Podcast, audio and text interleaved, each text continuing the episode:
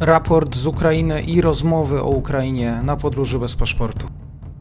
Dzień dobry Państwu, dzień dobry wszystkim e, słuchaczom. Dzieje się na froncie, dlatego słyszymy się z Markiem. Marku, Marek Kozubel, dzień dobry, bardzo mi miło. Witam serdecznie, pozdrawiam Mateuszu. Zachęcam Państwa do tego, żeby wesprzeć kawą Marka, który przygotowuje też dla Państwa codzienne analizy. Link w opisie, również do tego, żeby zasubskrybować ten kanał. A teraz oddaję Tobie głos, co się działo w trakcie ostatnich 24 godzin. E, jeżeli chodzi o ostatnie 24 godziny, to przede wszystkim możemy stwierdzić, że próba zamknięcia ukraińskiego zgrupowania w Sołedarze zakończyła się przynajmniej na razie niepowodzeniem. Ukraińcy zapobiegli obu rosyjskim manewrom, nie, nie pozwolili się otoczyć w e, zachodniej dzielnicy Soledaru oraz w tej części centrum, którą sami kontrolują. Na chwilę obecną, jeżeli chodzi o teren zabudowany Soledaru, to różnie się podaje. Od dwóch trzecich do nawet trzech czwartych miasta znajdować się ma pod kontrolą rosyjską, a pozostała część pod ukraińską. A oczywiście pomiędzy obiema tymi strefami znajduje się również jeszcze e, pas tak zwanej ziemi niczyjej, czyli strefa kontestowana. E, jak e, też obecnie wygląda sytuacja? Musimy pamiętać o tym, że Rosjanie rozpoczęli na dość taką dużą skalę działania PsyOps, czyli takie operacje psychologiczne, mające tutaj wskazywać na wielkie sukcesy pod Soledarem, na wielkie zdobycze i chociażby przykładem takiego PsyOps mogą być zdjęcia e, Jewgenija Prigorzyna, które miały zostać jakoby zrobione w kopalni soli w Soledarze. Ale tutaj e, niektórzy osintowcy wskazywali na to, że prawdopodobnie te fotografie nie zostały wykonane E, właśnie w kopalni należącej do firmy Artem Seal, czyli tej głównej kopalni, która się znajduje w Sołedarze. E, są podejrzenia, że być może Rosjanie zrobili te fotografie w kopalni gipsu albo ewentualnie w kopalniach położonych na wschód od Sołedaru. No tam jest taka miejscowość Wołodymyrivka, i jest podejrzenie, że również y, w pobliskich y, grotach, jaskiniach y, też mogło zostać wykonana część zdjęć. No tam wskazywane są również pewne nieścisłości, tak jak na przykład dziwnie wklejony z tyłu za Prigozinem czołg, nienaturalne światło padające z latarek w kierunku obiektywu aparatu fotograficznego, tudzież zrobiono zdjęcie, ale ważniejsze jest to, jaka jest sytuacja taka faktyczna na froncie, jeżeli chodzi właśnie o sam Soledar. Dodać trzeba, że Rosjanom udało się też zdobyć wieś Pidhorodne, położoną pomiędzy Bachmutem a Soledarem, z tym, że jednak y, samo zdobycie zrujnowanego terenu zabudowanego niewiele daje Rosjanom. Chodzi o to, że Pilchorodne znajduje się pomiędzy dwoma wzgórzami. E, jedno jest położone na północ, drugie na południe od Pilchorodnego i oba wzgórza kontrolują Ukraińcy. E, także no, zajęcie samych ruin tutaj Rosjanom nic nie da. E, można powiedzieć, że no, można wykorzystać to co najwyżej propagandowo, ale taktycznie daje to Rosjanom nadal niewiele. Jeżeli też chodzi o sam Soledar, o, o to, co się teraz dzieje z tym miastem, z jego terenem zabudowanym, to trzeba podkreślić jedno. E, to miasto już wcześniej, już kilka miesięcy temu e, było niezwykle mocno dotknięte rosyjskimi ostrzałami artyleryjskimi. Dzisiaj jest ono naprawdę straszliwie zrujnowane. Zdjęcia przedstawiają bloki mieszkalne, które są po prostu puste w środku, zapadnięte, bez dachów.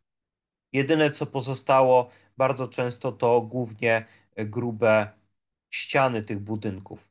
E, także te obrazy nagrane z góry, z dronów, no są po prostu koszmarne. I taki właśnie teren zdobywają obecnie e, Rosjanie. I w tym terenie, tak samo jak Ukraińcom było się ciężko bronić i musieli go stopniowo opuszczać, tak samo wbrew pozorom nie będzie tam lekko stronie rosyjskiej. Rosjanie tam również będą narażeni i na ostrzały artyleryjskie, na to, że gruzy będą na nich spadać, e, będzie im się ciężej bronić w przypadku ukraińskich kontrataków. I tutaj jest jeszcze jedna bardzo ważna rzecz. E, istnieją pewne podejrzenia, że Ukraińcy mogą niedługo przejść do większych operacji zaczepnych w tym momencie, w którym Rosjanie ostatecznie wykrwawią swoje siły rzucone do walk o Soledar i okolice. Skutki wtedy dla Rosjan byłyby właśnie no, bardzo opłakane. A trzeba pamiętać o tym, że oni ponoszą no, w porównaniu do strat ukraińskich, które są duże, to Rosjanie ponoszą po prostu koszmarne straty. Także zajęcie Soledaru, jeżeli się Rosjanom powiedzie w najbliższych dobach, to będzie można śmiało zaliczyć do e, zwycięstw e, w kategorii pyrrusowe. E, jeżeli też chodzi o te straty, to trzeba pamiętać o tym, że w walkach o Soledar biorą udział nie tylko Wagnerowcy, tak jak rosyjska propaganda stara się wmawiać wielu osobom obserwującym tą bitwę. W rzeczywistości większość sił rzuconych na Soledar to normalne, regularne jednostki sił zbrojnych Federacji Rosyjskiej. W dużej mierze są to formacje powietrzno-desantowe, czyli WDW. Y, ja tą informację staram się y, przekazywać słuchaczom, nie tylko u Ciebie, Mateuszu, ale również i w innych mediach. Podkreślam to również w swoich tekstach czy wpisach na Twitterze, gdzie tylko pojawi się właśnie wątek składu oddziałów rosyjskich biorących udział w tym niezwykle zaciekłym starciu. E, ale co to nam powinno teraz mówić?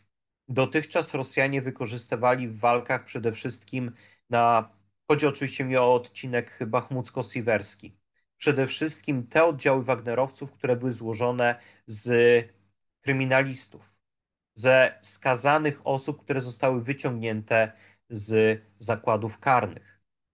Po krótkim, trzytygodniowym przeszkoleniu byli następnie rzucani na pole walki, no i traktowani właśnie przeważnie jako mięso armatnie. Jeżeli przeżyli, to przeżyli, super.